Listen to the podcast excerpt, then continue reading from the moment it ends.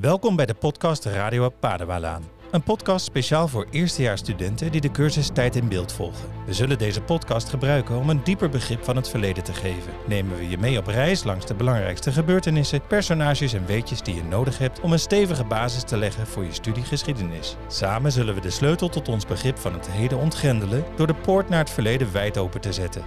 Hey hallo, leuk dat je luistert naar een uh, speciale uitzending Tijd in Beeld, de podcast Radio Panewalaan. Vandaag hebben we een bijzondere gast en ik zou graag willen dat je je even voorstelt. Ja, ik ben uh, blij hier te zijn. Uh, mijn naam is Leendert Alberts. Ik ben collega en docent hier op de HU, geschiedenis. Um, maar dat is deeltijd. En in het andere deel van mijn week ben ik een bierhistoricus. En doe ik onderzoek naar biergeschiedenis en geef ik presentaties daarover. En brouw zelfs mijn eigen bier. Kijk, ik krijg nu al het water in mijn mond. Ja, ik ben blij dat ik erbij ben. Ja, leuk dat je er bent, Bram. Ja, ik ben er ook. Laten we beginnen met de eerste vraag. Er is een misvatting uh, tijdens het proeven van het grachtenwater in mijn hoofd geschoten. En die misvatting is dat bier altijd gebrouwen werd omdat het water uit de grachten niet te drinken was. Klopt dat? Nee, dat klopt niet, inderdaad. En die misvatting die kom je echt overal tegen. Uh, in schoolboeken, uh, stadsgidsen die rondleidingen geven, die hoor je dat vertellen.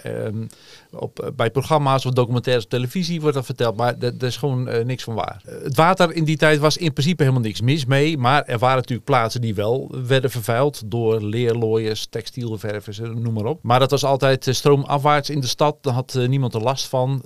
Niet op de plekken waar ze water gingen putten, maar ook niet de bierbrouwers. Dus er werd aardig op gewaakt en, en voorgewaakt dat het niet vervuild raakte en gewoon schoon bleef. Want ja, water is super belangrijk voor een stad om in leven te blijven. Voor de mensen, dus dat mocht niet vervuild worden. Maar ja. je, je zegt dus dat ook in de middeleeuwen, ik heb met jou water gedronken uit de huidige Utrechtse gracht. Hè. En, en, je ziet er nog prima uit. Ja, ik vond het wel eng, maar ik heb het gedaan en het, ja. het smaakt inderdaad naar gewoon water. Maar ook in de middeleeuwen kon je dat doen. Ja, want wat vaak wordt gezegd van mensen uh, poepten en plassen ook in het water. Het waren open riolen. Ja, dat, dat, dat zijn allemaal fabeltjes. Uh, ten eerste mocht het niet. Je kon dan een fikse boete krijgen. In principe naar de wc gaan deed je achter op het erf uh, bij de beerput. Zal ik maar zeggen, hè, met zo'n zo'n houten huisje eroverheen. Dat werd eens in een paar jaar geleegd. En dan was het gewoon hele goede mest. dat werd verkocht aan de boeren om de stad heen. voor de landerijen. Dus daar kon je geld voor krijgen. Dus dat ging je niet in de gracht gooien. Waar werd bier dan wel voor gebrouwen? In principe, ja, mensen konden ook water drinken, nogmaals. Daar was niks mis mee, dus dat werd ook gedaan. Maar bier is lekkerder. Bier geeft een roesje. Maar vooral, het is voedzamer, het is van granen gemaakt. En je kon daar ook status mee uitdrukken. Dus kijk, water, daar krijg je geen status van, want dieren drinken ook water. Maar bier, uh, ja, je had slappere bier en sterkere bier. Dus daar kon je ook je status mee laten zien. En dat was samen met kleding en je woning en zo altijd een middel om uh, te laten zien waar je sociaal staat op de ladder. Ja, ging je dan altijd naar je plaatselijke brouwer of ging je ook wel eens wat verder zoeken? Nou, dat, uh, daar is zeg maar in de tijd een omslag in de 14e eeuw. Hè. Tot die tijd maakten ze soorten bier die niet zo lang houdbaar waren. Ze werden omschreven als gruitbier. Er staat onder andere gagel in. Dat is een, een kruid dat uh, een beetje salmiak of dropachtige smaak heeft. Dat bier was niet heel lang houdbaar. Dus dat, daar kon je maar kleine partijtjes van maken voor, voor één of twee of drie weken. Maar in de loop van de 14e eeuw kreeg een ander type bier met hop. En dat was wel lang houdbaar, maandenlang. En dat kon dus ook over grotere afstanden worden getransporteerd en verhandeld. Dus dan kon je ook bier van, uh, van verder weg kopen. Hè. Kreeg je dus echt ook merkenbeleid en uh, een hele diverse biermarkt. Ja, ik, ik hoor je spreken over de Gagel. En nou is er in Utrecht de Gageldijk. Zijn er in Utrecht nog meer verwijzingen met straatnamen, bijvoorbeeld naar de bierbrouwen? Ja, die, die Gageldijk en de Gagelpolder die erachter ligt, dat zijn we heel bekend. Staat al op de oudste kaarten trouwens. Uh,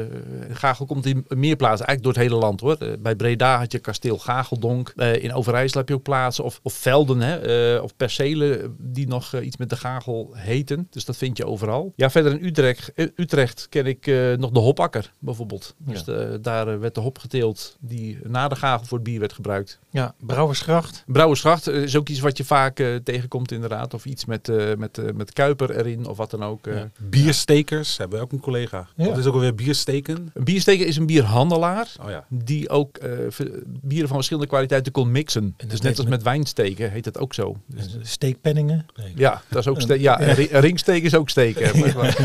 nou, Steek die maar in je... Je hebt over We die missen, ringen... Pieter voor de, we missen Pieter voor de woordgrap. Maar goed, Ja, uit, eh. ja, ik probeer het een beetje op te vangen. Eh, waar werd het bier geschonken? Het tapperijen. Dus in principe, ja, mensen eh, maakten het zelf en, en dronken het zelf. Maar eh, je kon het, er waren heel veel tapperijen. Horen, als havenplaatsje aan de Zuiderzee, had er ook al iets van 60 tapperijen. Dus dat kon de herbergen zijn waar je ook kon overnachten. Maar vaak was het gewoon een voorste gedeelte van een huis. Waar de bewoner een, eh, een, een vat bier had liggen en, en die aansloeg met een tapkraan erin. En dan kon de hele wijk of de bewoners van de straat konden daar gewoon hun bier halen met, eh, met kannen en kruiken. En met eh, carnaval hoor je wel eens wat over gilden. En eh nou bestaan er ook wel biergilden. Waarom werden die opgericht? Ja, biergilden waren net, die hadden dezelfde reden voor, voor oprichting zeg maar, als andere gilden. Gilden het, de reden van de gilde oprichten was in principe van gezien willen worden als beroepsgroep. Van wij zijn met zodanig aantal, wij horen erbij. Als trotse burgers, dat willen we ook laten zien. Hè. We lopen mee processies, een eigen altaar in de kerk, een eigen beschermheilige. Dus je kon je eigenlijk daarmee profileren. En vaak waren religieuze motieven net zo belangrijk als, als economische. En we hebben het nu eigenlijk de hele tijd over de late middeleeuwen. Of eh, gaat dit heel lang door? Of verandert er iets op een gegeven moment? Ja, nou als het over gilden gaat, dat is interessant, want dan speelt de reformatie een belangrijke rol. Dus die eh, religieuze motieven die veranderen dan, want eh, ja, een altaar in de kerk, eh, meelopen in processies, ja, dat, dat was niet echt protestants. Dus je ziet vanaf 1580, hè, als het katholicisme niet meer openlijk beleden mag worden, dat die altaren de kerk worden uitgegooid, dus dat valt al af. Maar ze bleven nog wel jaarlijks hun feesten houden en ook de begrafenis werd door het gilde geregeld. En grappig is wel dat ze hun oorspronkelijke beschermheilige, hartstikke katholiek natuurlijk, maar die bleef wel bestaan. Dus die namen, En Wie, wie die is lieten ze niet eh, los. Nou, in het zuiden van het land is dat bijvoorbeeld Arnoldus, hè, de heilige Arnoldus van de bierbrouwers. Eh, maar hier in het noorden, eh, Haarlem had bijvoorbeeld Sint Maarten, Amersfoort Sint Joris, dus er waren er wel meer. Stefanus of Sint Steven, die was in heel veel Hollandse steden de, de beschermheilige van de brouwers. Maar die, die bleven dus ook nog in de 17e, 18e eeuw, totdat de gilden werden opgegeven, hè, zo rond 1800. Eh, bleven die toch eh, ook nog steeds gehandhaafd. Bestaan er eigenlijk nog vanuit die middeleeuwen bierbrouwerijen? Ja, dat is altijd een heikele kwestie. Hè? Want eh, bierbrouwers van nu die willen altijd zichzelf terugdateren in de tijd. Bijvoorbeeld de brand uit Sint-Limburg, uh, Zuid-Limburg, sorry. Eh, daar staat altijd het jaar op 1340 bij. Nou, het oudste bewijs is eh, uit de 15e eeuw van, eh, van die plaats, eh Weileren of Wieler. Ehm, dus dat jaar, dat, dat, dat geven ze ook toe hoor. Dat hebben we gewoon zelf verzonnen. We vonden het mooi getal. Iedereen gelooft dat toch? Ja. Maar eh, nou, ik weet eh, uit mijn onderzoek in Amersfoort als middeleeuwse bierstad is gebleken dat er eh, een huis wel uit die tijd, zo rond 1340, 1350, moet het gebouwd zijn, zeggen bouwhistorici. En ik heb kunnen aantonen dat het eind eh, 15e eeuw ook een brouwerij is geweest. Van het begin weten we dat dus niet, hebben we geen idee. Ik vermoed van wel. Het ligt pal aan het water en is een heel gunstige locatie voor brouwerij. Dus ik denk dat dat inderdaad nog een heel oud, wellicht het oudste pand van Nederland zou kunnen zijn als bierbrouwerij. En, Het staat er nog, en- is heel mooi. En kan je ook nog met oude recepten dat bier nama of, eh, namaken? Kan je dat nog brouwen nu op, opnieuw? Of is dat, is dat niet meer te doen? Ja, ja, ik wel. Nee, nee maar nee, dat nee, hartstikke leuk. We hebben, en dat is opmerkelijk en, en typisch voor Nederland, eh, heel veel bronnen over eh, de samenstelling van het bier in de late middeleeuwen. En dan zeg maar van 1350 tot eh, rond 1600. Dat komt omdat steden voor alle bierbrouwers in de stad een reglement hadden opgesteld waar ze zich aan moesten houden. Zoals in, in Beieren wel het Reinheidsgebot bekend is geworden. Maar, dat is uit 1516, maar hier had elke stad dat in feite. Dus die Nederlandse richtlijnen zijn veel ouder. En daar staat precies in eh, hoeveel zakken graan voor hoeveel vaten bier. En, en wat voor soorten brouwgranen, haver, gerst of tarwe. En dat kun je heel goed namaken in die verhoudingen dan. Hè? Dus hoe het precies smaakte. Nou, dat weet je nooit. Dat is altijd met een reconstructie, hè? ook bij archeologie. Maar je kunt dat wel benaderen. En ehm, nou, in, in Nederland hebben we dat dus voor heel veel steden. Dus dan kunnen we, dat, eh, kunnen we dat aardig namaken. En in het buitenland is dat veel minder het geval. Dus dat is een belangrijke en in die zin typisch Nederlandse bron. En dat is dan ook lekker? Of, Absoluut, ja, want de, de- ook daar bestaan weer allerlei voor, eh, vooroordelen. Hè, van dat zou eh, weinig alcohol hebben bevat, eh, geen eh, koolzuurgas of zo, hè, want het werd met open ketels gebrouwen. Eh, het zou een dikke drap zijn of wat dan ook, maar eh, dat is eigenlijk onzin. Ik heb het uitgeprobeerd met eh, mijn achterbuurman die het al jaren doet. Na een middeleeuws recept, vorig jaar vier keer, ja, was prima te drinken. Ja, het, is dan, het smaakt soms iets anders dan pils of zo, maar we hebben nu zoveel soorten bier op de markt dat dat helemaal niet meer raar is. Om een biertje in de markt te zetten heb je trappistenbieren en je hebt abdijbieren. En een biertje wordt vaak in de markt gezet als een abdijbier. Dat heeft zo zijn redenen. Ja, dat, dat heeft eh, hele moderne eh, marketing eh, ideeën die erachter zitten om, om dat bijzonder te maken. Want het bier, dat abdijbier van nu, dat slaat helemaal nergens. Ja, het is heerlijk bier. Laten we dat even dat als eerste. Het is lekker. Maar het is een, er is een heel verhaal aangeplakt van eh, abdijen en geschiedenissen. En, en de monniken weten waarom. En die hebben bijzondere geheime recepten die ze eh, van, van eeuw op eeuw hebben doorgegeven. Maar dat is niet zo. Ehm, de bier, ik heb van een aantal Nederlandse abdijen uit de late middeleeuwen ook, ook de biersamenstelling. Bovendien, de, de monnik of de non die brouwden helemaal niet zelf. Hè, dus dat, dat ze dat geheim eh, binnen het kloostermuur houden of zo, dat, dat, dat is helemaal niet zo. Ze lieten brouwers uit de dorpen, uit de omgeving komen, die huurden ze in. En die kwamen het bier brouwen. En van bijvoorbeeld een, een, eh, vrouwenabdij vlakbij Leiden weet ik dat ze dat naar het recept brouwden van de commerciële brouwers uit Leiden. Dat was gewoon hetzelfde soort bier. Dus die had het niet van de abdij overgenomen, maar de abdij had het gewoon van de stad overgenomen. Dus abdijbier was niks bijzonders. Het was ook niet zwaarder dan gewoon bier. Het was eigenlijk hetzelfde bier als, eh, als buiten de kloostermuren werd uh, gebruikt. Maar dus hertog Jan wordt ook niet door hertog Jan gebrouwen? Nee, hertog Jan is ook zo'n uh, zo'n verhaal dat hij ja, dat, dat verhaal gaat, gaat heel lang terug zelfs nog, uh, tot, tot Germaanse tijden. Ik dat, val hier een beetje van mijn stoel. Bij, niet vanwege het bier, maar... Uh... Van, uh, ja, ik ben geen medievist, hè, dus ik zit nu met twee medievisten in de studio. Dus ik stel voor mijn gevoel dan domme vragen. Maar dit was een goede vraag. Nou, je gevoel is niet altijd goed. maar de hertog Jan is dus niet gebrouwen in nou, Arsen. Die, die, zou, dat is een legende. Die zou de uitvinder van het bier zijn geweest. Ja, ja. dat, gaat helemaal, dat, dat gaat zelfs nog naar de, de, de Egyptische godin Isis en zo. Die, die brouwtechniek Kijk, een uh, aan een, een van de Germaans volkje. Bart, hebben wij genoeg aan één aflevering? Ik denk dit, dit is een beetje Kaal de Grote die zijn eigen afstamming uh, ja, uh, regelt. Leendert, ik heb nog een vraag. Een mis, misconcept volgens mij. Als er zoveel bier gedronken werd, dan liepen ze ook de hele tijd dronken rond. Ja, en deels is dat onzin, maar dat is ook nog een, een hangende vraag, omdat de definitieve antwoord nog niet is gevonden eigenlijk. Ik heb een aardig wat van die biersamenstelling onderzocht en, en daar zitten heel veel slappe bieren bij, dus van een procent of twee. Maar ook echt kwaliteitsbier van boven de 6 procent. En ik zei al, bierdrinken had alles met status te maken, dus uh, rijke gezinnen kochten in principe alleen duur bier. En dat is uh, zwaarder bier. En dat werd ook al bij het ontbijt genuttigd. En ook door kinderen. Ja, dat is interessant. Want uh, kijk, de armere gezinnen met slap bier, dat, dat kun je wel voorstellen. Ze dronken gemiddeld meer dan een liter bier uh, per dag per persoon. Nou, met slap bier kan dat. Maar hoe is dat in die rijke gezinnen met dat zwaardere bier? Ja, dat is niet helemaal bekend. Ik zie niet in hun rekeningen van het huishouden dat ze ook nog slap bier kochten voor de kinderen of voor de ochtend of zo. dus ze hadden in principe alleen maar goed bier. Dus geniet, maar drink met mate. Ja, Zoals nu nog. Gezin. Maar dat is in België toch ook nog. Ik bedoel, om tien ja. uur kun je al met, met, met zwaardere bieren... Nou, Prins Bernhard Duitsland, ook, uh, ja, zeker. Maar ook in Duitsland, het verbaas je over hoe s ochtends al bier wordt gedronken. En in Frankrijk ja. met wijn. Dus ik denk, het, het is een andere, uh, een andere moraal geworden die hier in Nederland uh, met name dan zich heeft ontwikkeld. Ik weet niet en ik vermoed ook niet dat het wat met protestantisme heeft te maken. Maar in omliggende landen is dat minder snel veranderd en uh, wordt dat niet als heel raar gezien. Nou, dan moeten we daar naartoe. Waar is Pieter als je het nodig hebt? Zo, nou zouden die krikkels erin gezet moeten worden. Ja.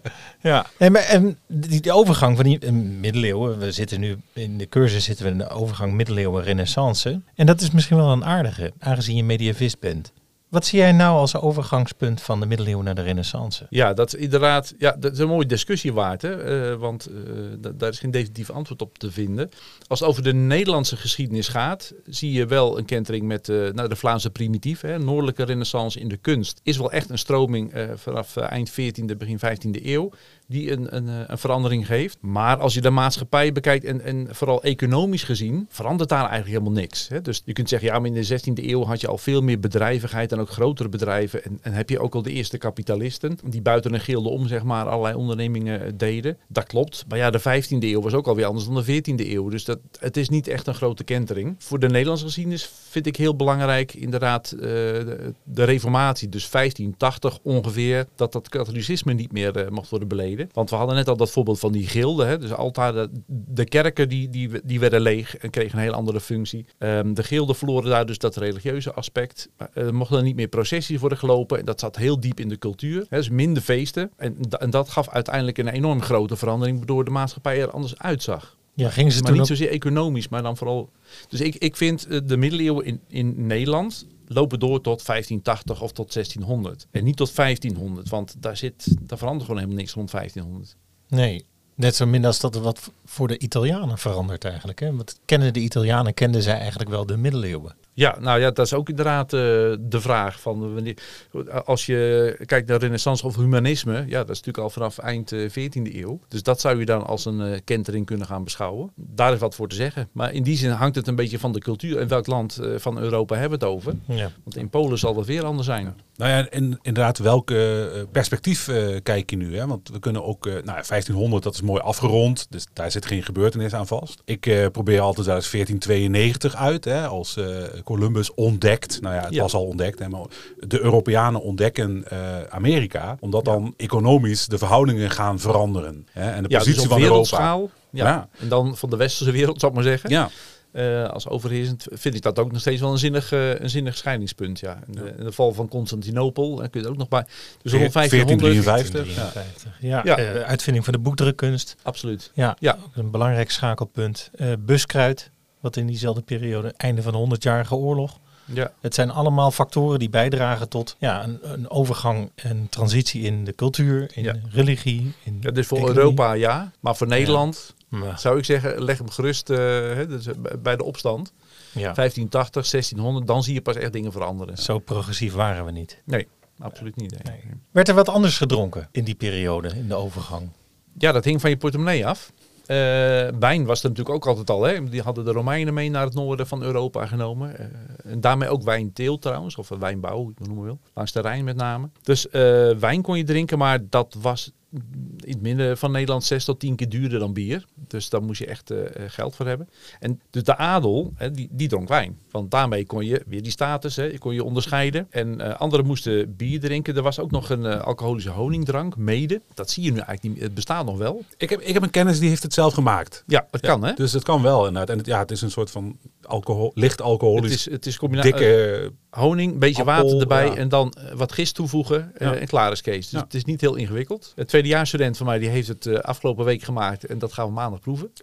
Oké. Eh, ja, dus het, het, bestaat nog. Maar ook dat was toen de tijd al duur hoor. Honing eh, was te veel, maar was ook wel duur. Net zo duur als wijn ongeveer. Eh, melk vond men niet gezond voor volwassenen. En ook niet goed voor je tanden. Dat moest je dan naspoelen met suikerwater, staat er dan bij. Voor de balans. En ja, melk bedierf snel. Dus daar kon je beter met zout, boter of kaas van maken. Dat kon je nog verhandelen. Dus dat, dat drink je niet op. Wel voor, trouwens voor kinderen en voor zieken en bejaarden werd er nog wat melk en karnemelk eh, gereserveerd. Maar heel weinig.